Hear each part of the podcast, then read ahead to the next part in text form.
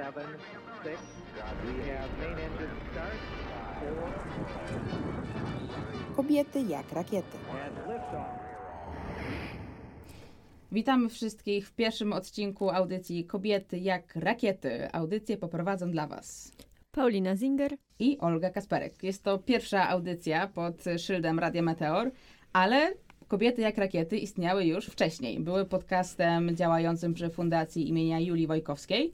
A o tym, dlaczego w ogóle powstał i jakie tematy podejmuje, opowiedzą założycielki, które są z nami dzisiaj w studiu, czyli Paulina Kirszka i Agata Kominiak. Dzień, dobry.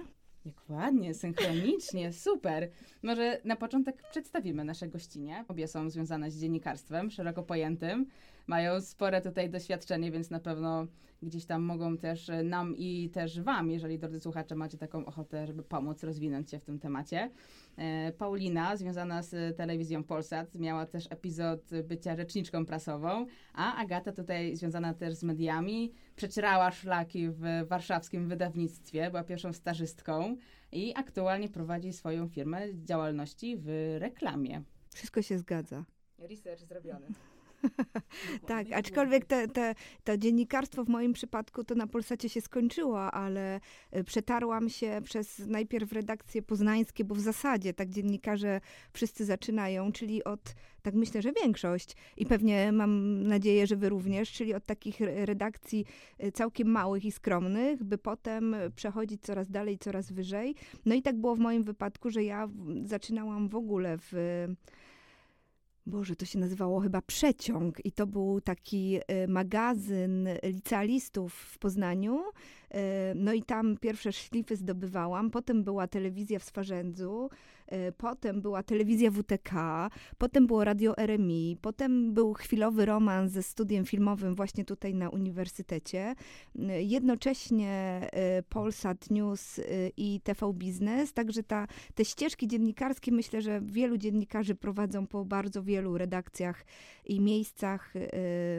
No, a potem przychodzi taki moment, kiedy się człowiek zastanawia, y, czy bieganie po świecie z kamerą i mikrofonem to jest jego pomysł na życie, czy y, warto i trzeba zacząć robić coś innego. No i różne pomysły przychodzą do głowy, y, a mi przyszedł trochę inny. No właśnie, trochę inny i myślę, że od tego zaczniemy w sumie naszą rozmowę. Jak w ogóle zrodził się pomysł na, na stworzenie tej audycji i przede wszystkim dlaczego kobiety jak rakiety? No bo kobiety to są rakiety, po prostu. Tylko, że w naszej rzeczywistości czasami e, my, kobiety, o tym zapominamy, a często tak, a, a panowie często nam nie dają możliwości na to, aby się żeby się pokazać. Te kobiety jak rakiety powstały w głębokiej e, pandemii, czyli w tym pierwszym lockdownie zeszłorocznym, e, kiedy wszyscy byliśmy pozamykani e, i wiadomo było już, że taki ciężar przede wszystkim ogarniania rzeczywistości pandemicznej wezmą na siebie przede wszystkim kobiety, czyli że nie tylko będą musiały się zmagać z tym, jak pracować zdalnie, ale też, że trzeba ogarnąć dzieci, które też będą musiały zdalnie za chwilę chodzić do szkoły. No i, i wszystkie badania wskazywały na to, że to kobiety dostaną najbardziej po głowie i to im będzie najciężej. I tak faktycznie było. W związku z tym wpadłam w pewnym momencie na pomysł, żeby zrobić podcasty, które trochę pokażą kobiety z innej strony. To znaczy pokażą, pozwolą tym kobietom, które będą nas słuchały, y, trochę oderwać się od tu i teraz i tak jak właśnie rakiety myślą pofrunąć w jakieś inne zupełnie y, rejony. Radio Meteor, kobiety jak rakiety, wszystko się idealnie, idealnie składa. Y, No i one powstały też z myślą o tym, żeby pokazywać kobiety, które robią niecodzienne rzeczy. Stąd w tych naszych pierwszych odcinkach była Jagna Stankiewicz, która jest kierowczynią rajdową, Maria Muś, która jest pilotką helikoptera, czyli takie kobiety, które trochę robią rzeczy niestereotypowe i chodziło nam o to, żeby z jednej strony pokazać, że takie kobiety są, istnieją, robią fantastyczne rzeczy i że nie ma tak naprawdę limitów, a z drugiej, żeby dać szansę nam siedzącym w tej pandemii, w lockdownie w domu, aby się trochę oderwać i przez chwilę pomyśleć o czymś zupełnie innym. No ja widzę, że tutaj nastąpiła niesamowita zmiana. Kiedy słucha się tych podcastów, to potrafisz tak perfekcyjnie słuchać właśnie swojego e, rozmówcę e, i jest to niesamowite i tego byśmy się chciały nauczyć, tak sądzę, żeby potrafić tak prowadzić rozmowę, a tutaj tak się pięknie otworzyłaś i, em, i mnie aż zatkało. Ale jednak się odezwałaś, więc y, brawo dla ciebie. Y, Wspomniałaś tutaj o, o kobietach. No i teraz takie pytanie, skąd w ogóle bierzecie informacje na temat tego, co dane kobiety robią, skąd y, jakby się wzięły, gdzie w ogóle je znajdujecie i jak potem wygląda właśnie taki proces zaproszenia ich do siebie, żeby z nimi porozmawiać? To bardzo różnie wygląda. Często jest tak, że e, gdzieś czytając jakieś badania na przykład, albo jakąś literaturę, e, wpada nazwisko kobiety, zaczynamy czytać o niej więcej i próbujemy się z nią kontaktować. Czasami są to kontakty jakieś prywatne, czasami przez znajomych, e, czasami jeszcze przez znajomych znajomych, ale najczęściej jest tak, że mm, jakaś postać na, do nas mówi. I jak mówi do nas, no to sprawdzamy, co ona do nas mówi, no i wtedy y, już y, kontaktujemy się z nią i, i rozmawiamy na ten temat, który jest jej bliski. Bo jak same zauważyłyście, tych tematów jest bardzo, bardzo są różne i kobiety są z różnych e, światów, bo tak jak e, cała ta przestrzeń, nie tylko kosmiczna, ale nasza życiowa jest bardzo różna, tak tych kobiet rzeczywiście e, w różnych e, tych dziedzinach jest dużo, tylko no, nie zawsze je widać nie zawsze mówią o tym same i dlatego starałyśmy się dobierać e, tak nasze rozmówczynie, żeby rozmowa, która e, ukaże się, była atrakcyjna dla różnych odbiorców. No ja przyznam, że to się udało, ponieważ teraz się tak wkręciłam w słuchanie tych podcastów, e, że od wczoraj po prostu, kiedy tylko mogę, to staram się coś przesłuchać, bo okazuje się, że to nie jest tylko takie piękne mówienie, ale faktycznie można się dowiedzieć niesamowitych rzeczy, na przykład e, dzięki negocjatorce Ewie Scheiner. E, widzę pewne zależności, które już mają moje koleżanki, które skończyły Mhm. studia i znajdują się w jakichś korporacjach i faktycznie wchodzą w ten męski świat i uznałam, że jest to idealny podcast, żebym wysłała właśnie mojej znajomej, która potrzebuje się odnaleźć bardziej w tej sytuacji i zawalczyć o siebie. Więc są to Taka też miała być rola tych y, naszych rozmów, żeby postaci, z którymi rozmawiamy, te osoby, były też y, inspira, inspiracją do, w różnych tematach, w różnych dziedzinach, y, tak jak tutaj wspominałaś, czy z negocjacji, czy z edukacji, czy zupełnie z pasji e, i innych dziedzin, którymi nasze rozmówczynie się zajmują. Także ten cel też zawsze z tyłu głowy gdzieś mamy, żeby ta rozmowa była inspirująca na różnych płaszczyznach.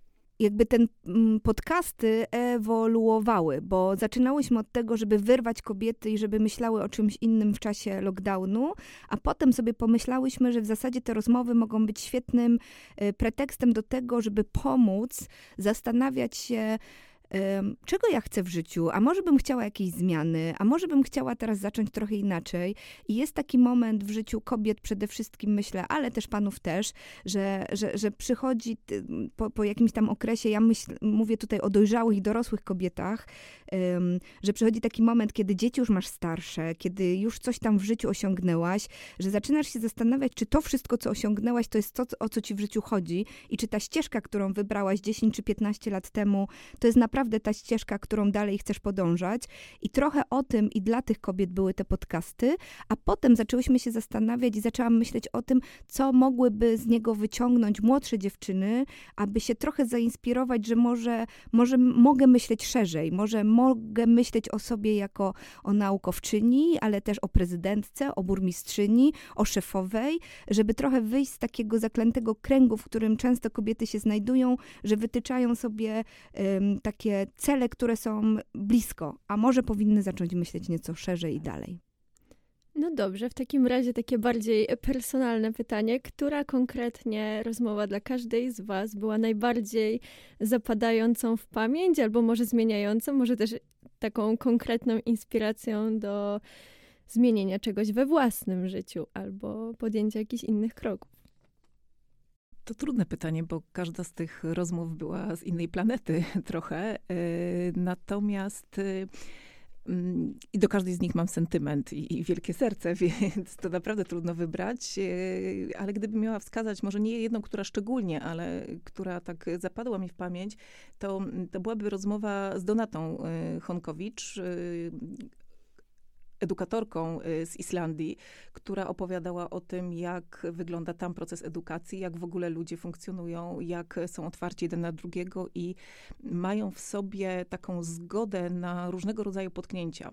Jest przyzwolenie na to, że drugi człowiek może czegoś nie umieć, y, może coś zrobić źle i chcieć to naprawić.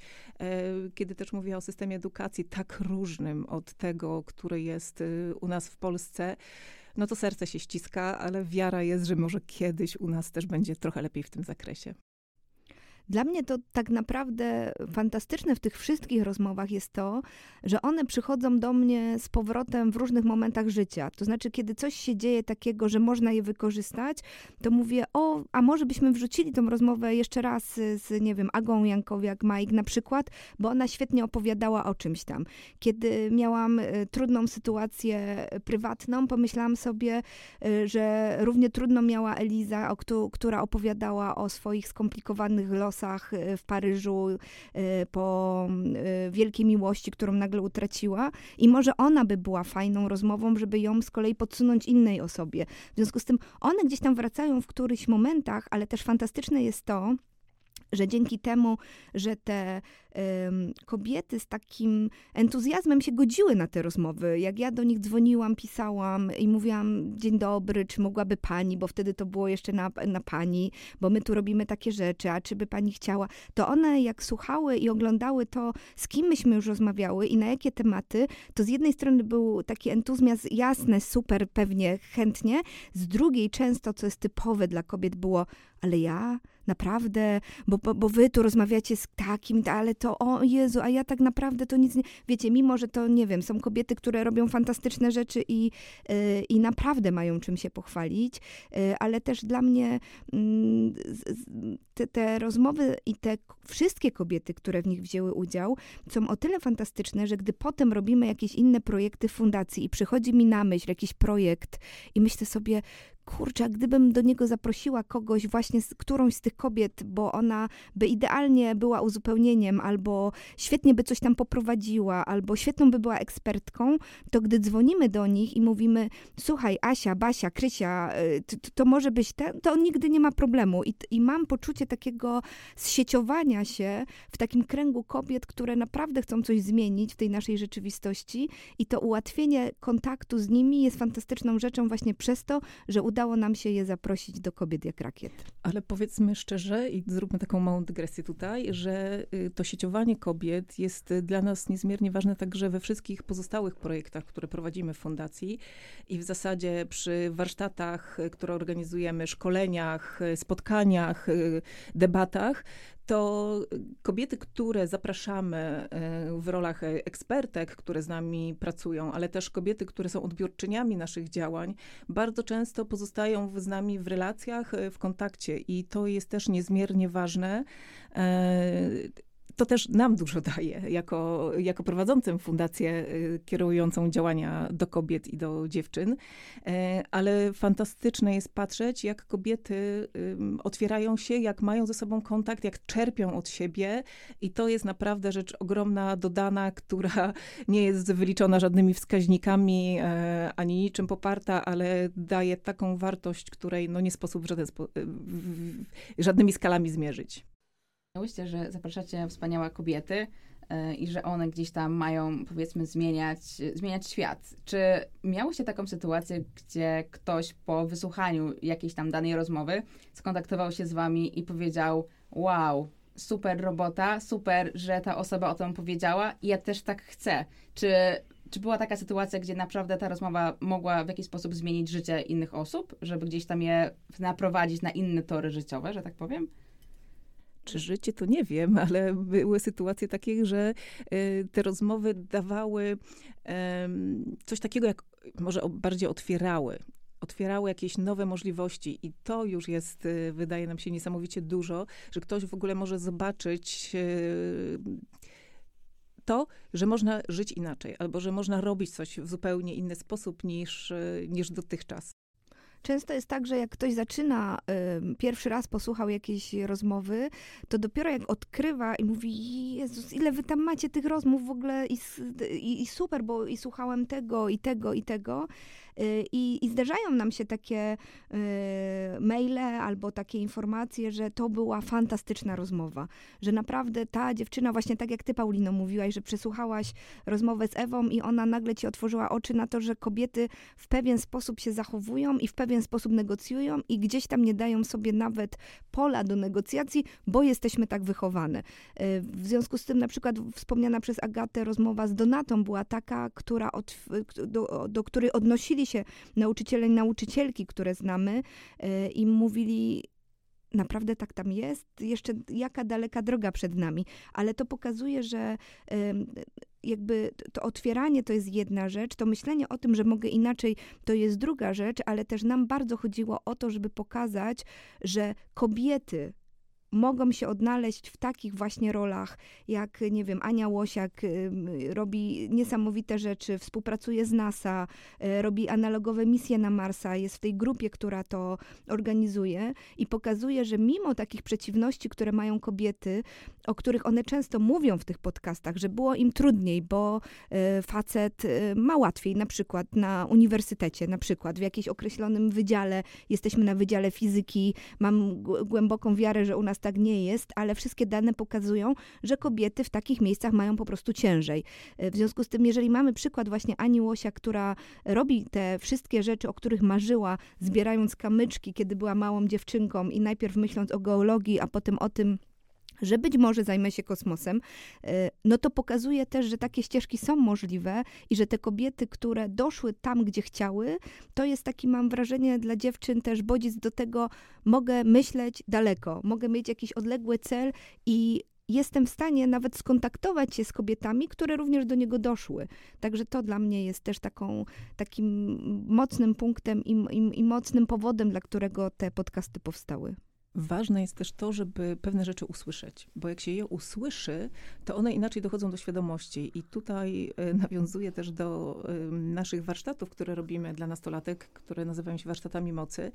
I podczas tych warsztatów, e, kiedy dziewczyny, kiedy pracujemy już kolejny raz z daną grupą i dziewczyny mają do nas zaufanie i się otwierają i mówią o swoich różnych pasjach, zainteresowaniach e, i mówią je na początku o nich nieśmiało, bo, bo wydaje mi się, że są dziwne albo że są tak nie niesamowicie połączone ze sobą różne drogi, że, że to dziwne o tym mówić, bo jak można się interesować, nie wiem, e, weterynarią i muzyką klasyczną.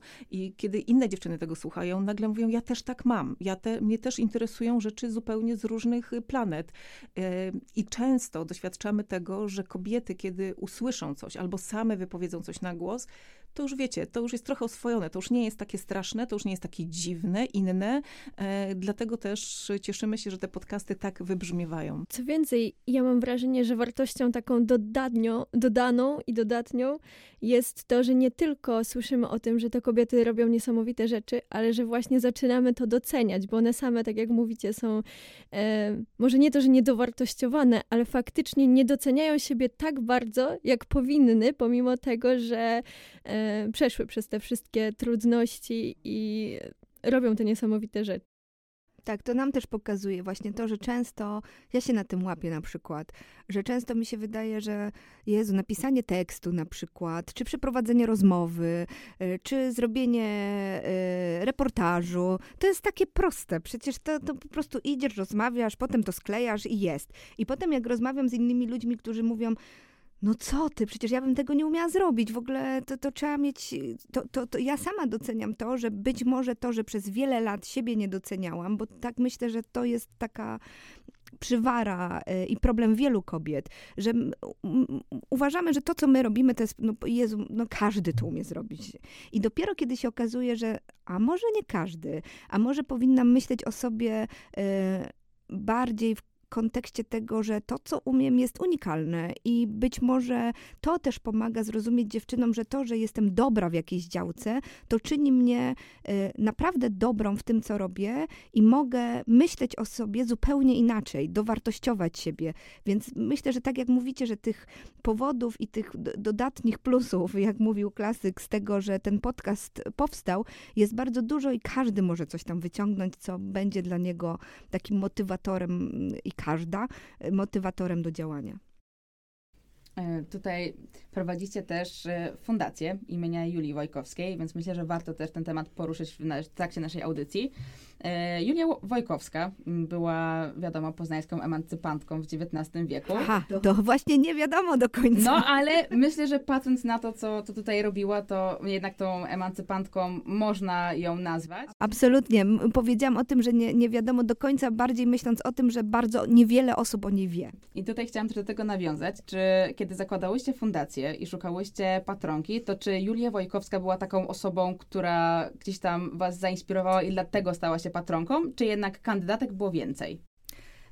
Wiesz co, to było tak, że ja myśląc o tym, kto, y, jak powinna się nazywać fundacja, którą chcę założyć, trochę, y, trochę na początku nie miałam pomysłu, bo wszystko mi się wydawało takie banalne, oklepane albo średnio pasujące. I, I gdzieś tam, kiedy zaczynałam grzebać i zastanawiać się nad kobiecymi postaciami, które w Poznaniu działały, to tych emancypantek faktycznie było kilka.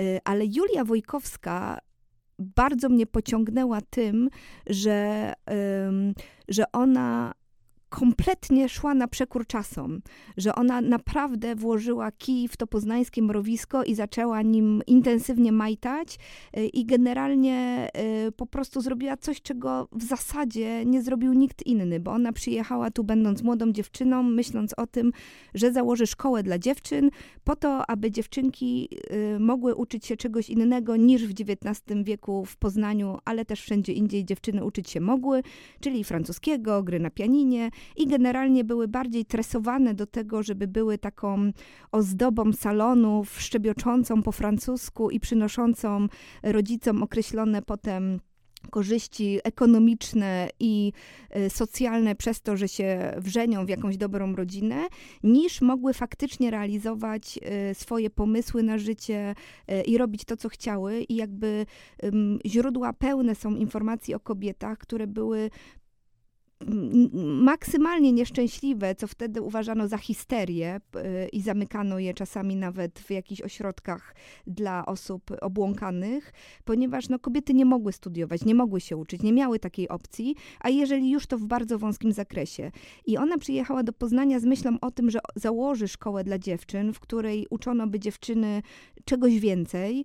E, szkołę tą udało jej się utworzyć, ale bardzo szybko ją zamknięto, ponieważ nie tylko władze pruskie były jej przeciwne, ale też poznańskie mieszczaństwo, które uznało, a przede wszystkim panie, które prowadziły pensje dla dziewczyn, że Wojkowska porobi z tych dziewczyn wariatki, bo ona ubierała się inaczej, y, zachowywała się inaczej, myślała inaczej. No i, i, i, mam taką, może nie anegdotę, ale kiedy się głowiłam nad tym i pomyślałam sobie, tak, Wojkowska będzie świetną patronką dla naszej, y, dla naszej fundacji, to kiedy rozmawiałam o tym z mężem, to on powiedział, a może weź Bibiannę Moraczewską, bo tej Wojkowskiej to nikt nie zna. I ja wtedy sobie myślałam, nie, no ja wezmę Wojkowską właśnie dlatego, że nikt jej nie zna, a chciałabym, żeby, e, żeby o tym, że taka świetna postać w Poznaniu żyła i działała, chciałabym, żeby ludzie się dowiedzieli. I zobaczcie, jak to samo naturalnie przyszło. Julia otwierała e, szkołę dla dziewczyn, żeby uczyć ich czegoś innego i my trochę też chcemy to robić i trochę robimy naszymi działaniami. E, chcemy pokazać młodym dziewczynom, że poza tym programem szkolnym i edukacyjnym, w którym nie ma miejsca na, przepraszam, różnego rodzaju kompeten budowanie kompetencji, zwracanie uwagi na swoje pasje, na swoje cechy, e, próbujemy to nadganiać i, i robić to proponując e, nasze projekty. No właśnie, to może teraz trochę więcej o tych projektach. E, co robicie w fundacji? Czym się zajmujecie? Do czego A możemy ile ma, zachęcić? Ile macie czasu? Tyle, ile potrzebujecie. Bo to jest worek bez dna y, tak naprawdę i w zasadzie y, każdy nowy projekt przynosi ze sobą pomysł na trzy kolejne. W związku z tym y, to, tak to działa. Zaczęłyśmy od tego, właśnie od tej nieobecności kobiet tak naprawdę, bo y, i badania y, podręczników pokazują, że w podręcznikach kobiet jest od 5 do 10%. W związku z tym dziewczyny czytając o historii, o nauce, o naukowczyniach, właśnie nie mają szans poczytać o nauce. Maria Skłodowska-Curie, Tak. dziękujemy. I to wszystko mniej więcej. W związku z tym zaczęło się od tego, że chciałam zrobić takie warsztaty, które by były połączeniem trochę opowieści o kobietach, które w Poznaniu żyły i robiły te fantastyczne rzeczy, e, z tym, aby te cechy, które można z tych kobiet powyciągać, wzmacniać u dziewczyn, które w tych warsztatach będą brały udział. Czyli gdy mówimy i robimy warsztaty e, właśnie o Julii Wojkowskiej, to mówimy o odwadze, kiedy robimy o innych kobietach, to wyciągamy z, nimi, z nich inne cechy. I tak powstały warsztaty mocy, aby z jednej strony pokazać dziewczynom te e, role model, którego im brakuje, mam wrażenie, i pokazać, że nie, no kobiety nie urodziły się w 1989 roku, tylko działały wcześniej i robiły to, na co pozwalały im okoliczności, ale też próbowały sięgać zdecydowanie dalej. E, Natomiast no, to nie było takie proste jak w przypadku mężczyzn. W związku z tym to wymagało też od nich zdecydowanie więcej determinacji, ale też sprytu, poruszania się, trochę wchodzenia pewnymi bocznymi drzwiami w sytuacje, które były dla nich niedostępne. A z drugiej strony właśnie to, o czym Agata wspomniała, że szkoła no, nie uczy tego, jak być sprawczą, jak dobrze o, o sobie myśleć, jak y, poczucie własnej wartości budować. I, I to chciałyśmy zmienić i pokazać, że dziewczyny mogą się wzmocnić właśnie przez to, że ktoś zacznie z nimi pracować. I to te, te warsztaty robimy już od, od jakiegoś czasu. Robiłyśmy je w wielu poznańskich liceach, ale też wyjeżdżałyśmy z nimi y, poza Poznań i za każdym razem widzimy to samo, że te dziewczyny siadają i myślą sobie, kurczę, ja nie sądziłam, że ja mam tyle cech liderki w sobie, że w zasadzie z tych wszystkich cech, które wypisujemy na przykład w trakcie jednego z warsztatów, to ja mam trzy czwarte. W związku z tym muszę tylko popracować nad niektórymi. W związku z tym to daje, y, myślę, że takie też otwarcie y, tym dziewczynom, które nie mają y, szans na to, bo wiecie, jak wygląda praca w liceum. No nie? No, wchodzę o 8 do szkoły, wychodzę o 15, a potem tukę, bo mam trzy sprawdziany w ciągu tygodnia. Ale dziewczyny też mówią o tym, że dopiero zobaczyły, że dziewczyny też mogą być silne, że dotychczas myślały, że siła jest y, przypisana tylko chłopcom, a jednak one mogą być silne. Po kolejnych warsztatach mówią, że czują w zasadzie, nie tylko mówią, bo one już chcą działać, y, czują sprawczość i moc i to, że y, one nawet w swoim małym, lokalnym środowisku też mogą coś zmienić i, i miałyśmy tego fantastyczne y, przykłady, co dziewczyny dostrzegają, kiedy wyobraźcie sobie, pytałyśmy, co chciałyby zmieniać w swoich małych, lokalnych społecznościach, na wsiach, gdzie mieszkają, to mówiły, że y, bardzo by chciały, żeby został wybudowany kawałek drogi, który połączy bezpiecznie przystanek y, z domami, które są. Więc to jest, y, to są przykłady 15-letnich dziewczyn, które zwracają uwagę na bezpieczeństwo nie tylko swoje, ale y, również współmieszkańców. I to jest fantastyczne, myślę. Tak, ale warsztaty to jest jakby dla dziewczyn to jest jedna rzecz. Robimy też warsztaty dla dorosłych kobiet, które mają takie same problemy jak młode dziewczyny, czyli nie wierzą w siebie, e, nie- mają odwagi do tego, żeby na przykład w męskim środowisku, w którym pracują, usiąść z mężczyznami na równi przy stole i na równi, jak równi, równa z równymi rozmawiać, że te bariery, które mają w głowach, są okropne y, i nad tym też pracujemy. Mamy warsztaty malarskie na przykład, odmalowane, które też są wyciągnięciem kobiet, y, malarek, no bo to one z kolei powstały z takiego myślenia o tym, jak wiele y, malarek znamy, jak wiele malarek możemy wymienić z imienia i nazwiska. No i Frida Kahlo, Tamara Łępicka i powoli robi się takie i co dalej. No i, i, a z mężczyznami nie ma tego problemu, prawda? Bo tam Picasso, Salvador Dali, po prostu możemy z rękawa, Manet, Monet, po prostu z, z jakiej epoki tylko byśmy nie chciały, od razu coś tam nam przychodzi do głowy, a kobiety malowały. Tylko problem polegał na tym, że im nie było wolno. To znaczy szkoły były dla nich zamknięte, pracowni nie mogły otwierać. Jeżeli malowały na przykład w XVII czy XVIII wieku, to najczęściej dlatego, że ich ojciec malował. W związku z tym miały dostęp do pracowni do materiałów materiałów. Ich brat malował, ich mąż. Natomiast same tego nie mogły robić, więc stwierdziłyśmy, że, że czas przestać udawać, że kobiety nie malowały, nie uprawiały sztuki dlatego, że nie jesteśmy zdolne, nie umiemy, mamy dwie lewe ręce, tylko dlatego, że ten patriarchalnie zbudowany świat nam na to po prostu nie pozwalał.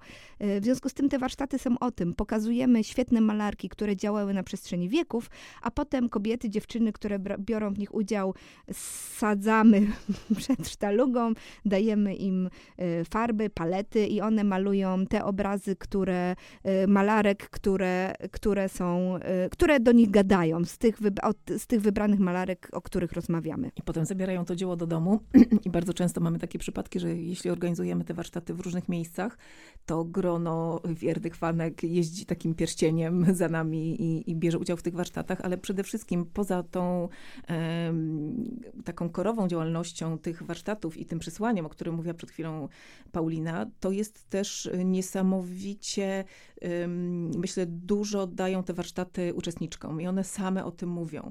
E, w dzisiejszym świecie przede wszystkim nie ma przestrzeni dla dorosłych kobiet, żeby mogły porobić coś e, swojego, coś kreatywnego, coś stworzyć, e, pomyśleć o tym, jak to stworzyć, czy wiernie odwzorować, czy zrobić trochę jednak bardziej subiektywną reprodukcję.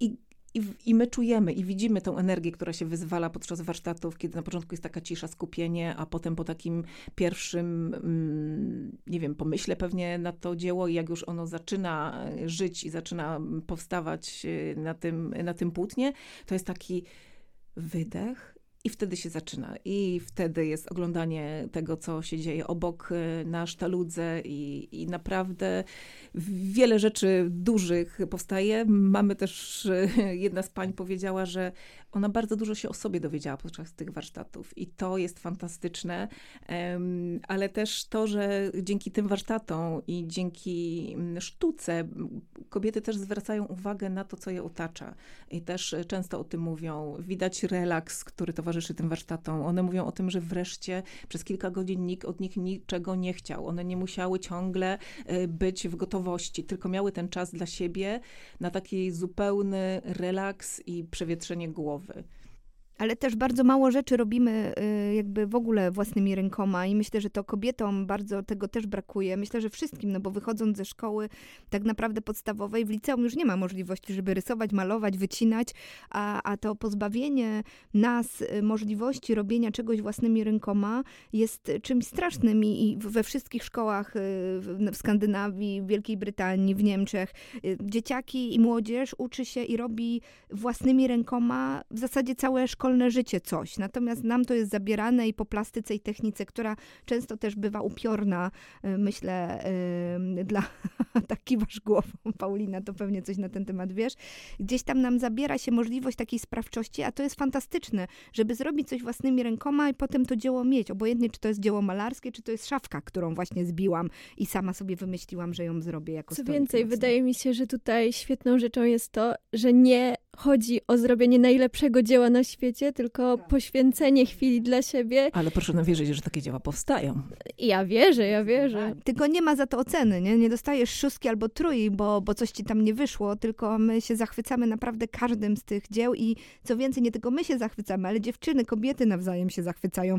Jak pani to zrobiła? Przecież wow, ta ręka, to pani to super wyszła.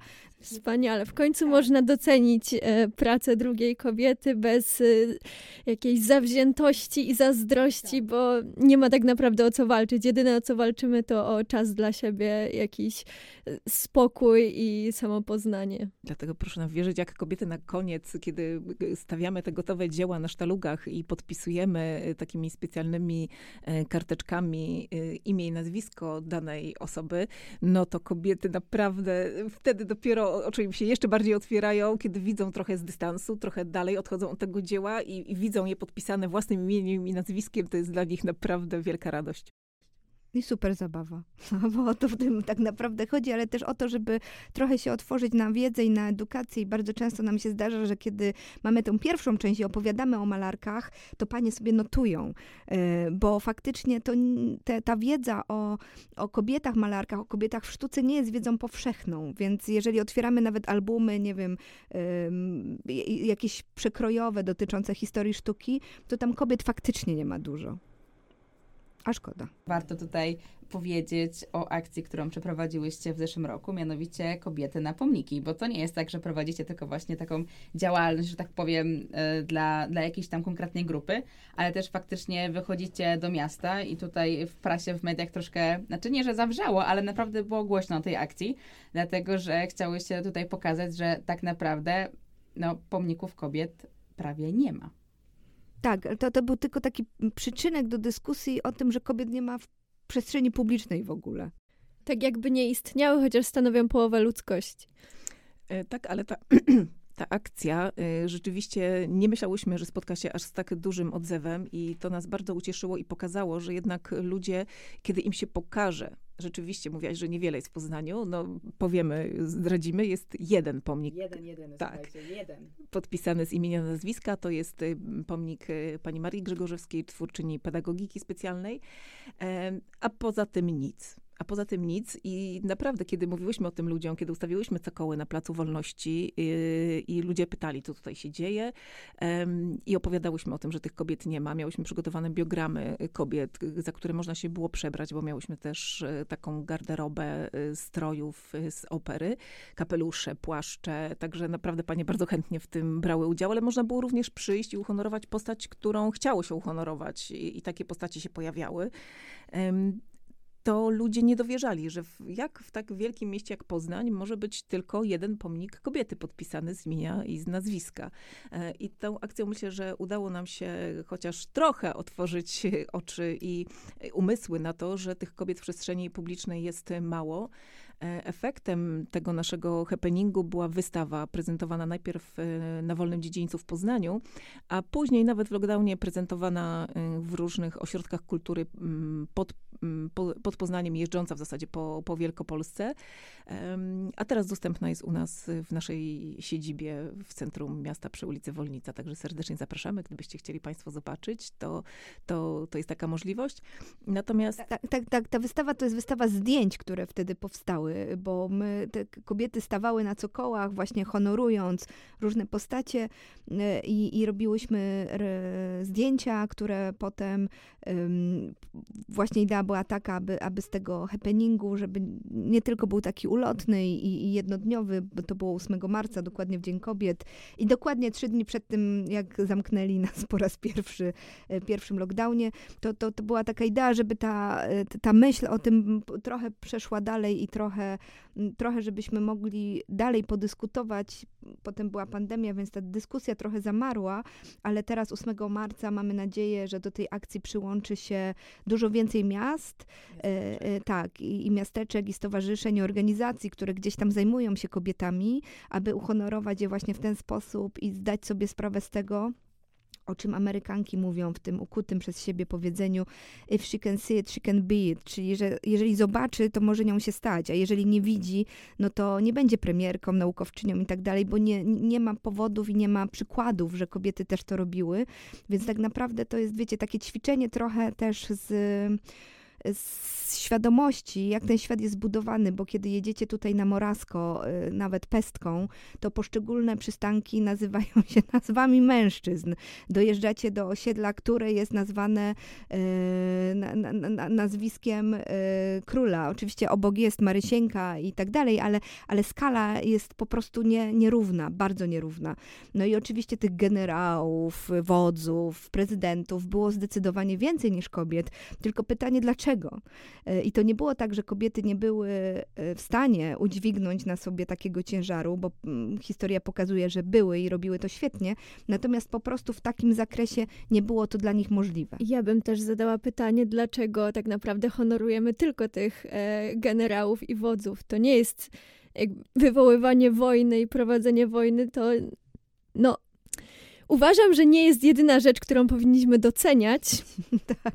Może są ciekawsze i lepsze, Mo- może są ciekawsze i lepsze. Ja e, szczerze przyznam, że chciałabym dowiedzieć się, kto zrobił przepis na najlepszy jabłecznik i nie mam pojęcia, czy to była kobieta, czy mężczyzna, ale czy to nie byłaby lepsza rzecz do celebracji zamiast wszelkie martyrologie i e, smutne święta, które co prawda wi- wiadomo, tragedie się zdarzają i trzeba je w jakiś sposób pa- pamiętać, ale moglibyśmy doceniać jednak pozytywne rzeczy i właśnie mam wrażenie, że to jest największa zaleta i waszej fundacji i kobiet jak rakiet, że mówimy tutaj o pozytywnych rzeczach.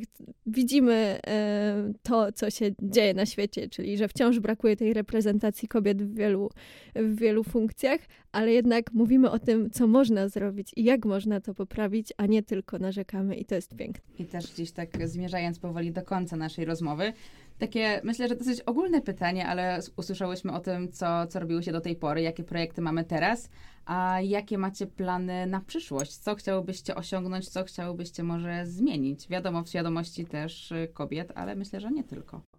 Mi się marzy, szczerze mówiąc, znaczy, po pierwsze marzy mi się to, że jeżeli któraś z was, słuchaczek, ma jakiś pomysł na to, że chciałaby coś zmienić w tej rzeczywistości, aby kobiet było więcej, to żeby przyszła do nas, y, na, można nas znaleźć na Facebooku, można przez stronę internetową www.wojkowska przez y.org i, i, I żeby przyszła i powiedziała, hej dziewczyny, mam taki pomysł, może byśmy zrobiły coś tam. I to, to, to dla mnie jest super sprawa, bo im więcej kobiet będzie chciało, obojętnie czy młodych, takie jak na przykład dziewczyny, które zaczęły akcję menstruacji na przykład, one miały, były licealistkami i zaczęły zmieniać tą rzeczywistość, w związku z tym to naprawdę jest możliwe.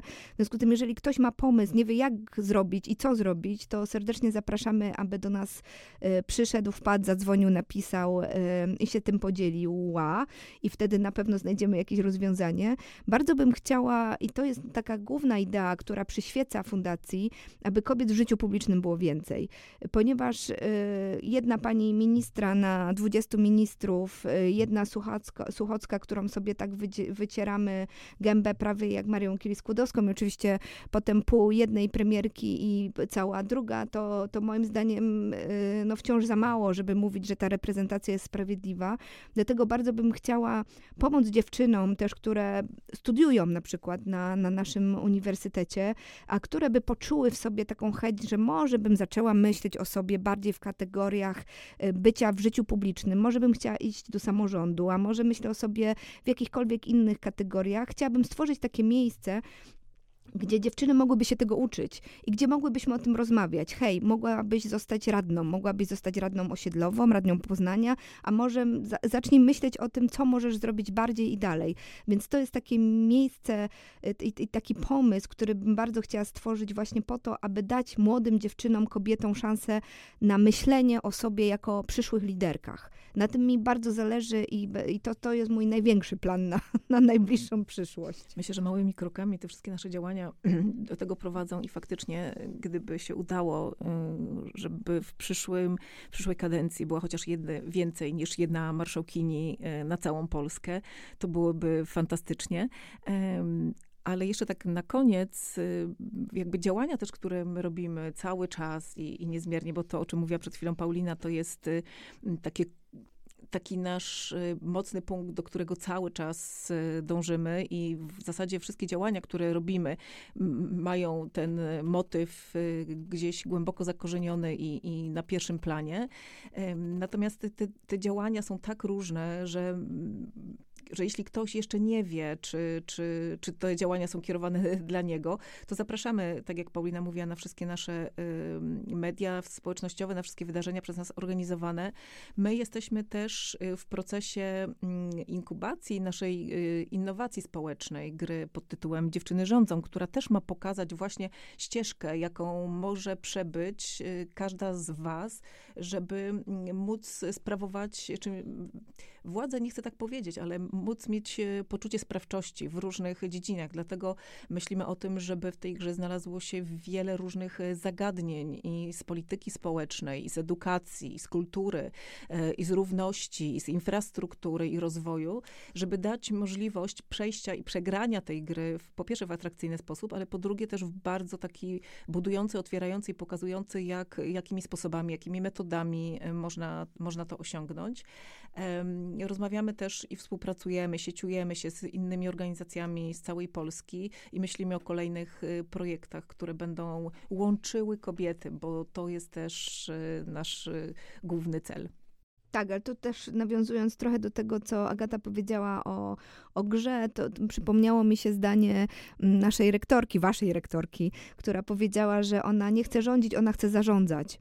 I to myślę, że jest świetnym, świetnym świetnym zakończeniem tej rozmowy, z naszej strony przynajmniej, że kobiety zupełnie zmieniają optykę, jeśli chodzi o to, w jaki sposób y, zarządzać właśnie czy to miastem, czy wsią, czy y, województwem, czy uniwersytetem. I myślę, że, że o tym powinniśmy się wszyscy przekonywać, że ta równowaga, nie chodzi nam o to, żeby teraz facetom podziękować i powiedzieć, wiecie co, wy już zrobiliście swoje i zobaczcie, do czego nas to doprowadziło, chociaż taki przytyczek w nos nieustannie mam ochotę im stryknąć. Natomiast o to, żeby ta równowaga trochę się zadziała, czyli Owszem, mamy pierwiastek męski, ale mamy też silny pierwiastek kobiecy. I myślę, że to są takie główny mianownik wszystkich naszych działań. Dziękujemy bardzo za rozmowę, a naszymi gościniami były Paulina Kirszke i Agata Kominiak. Do usłyszenia.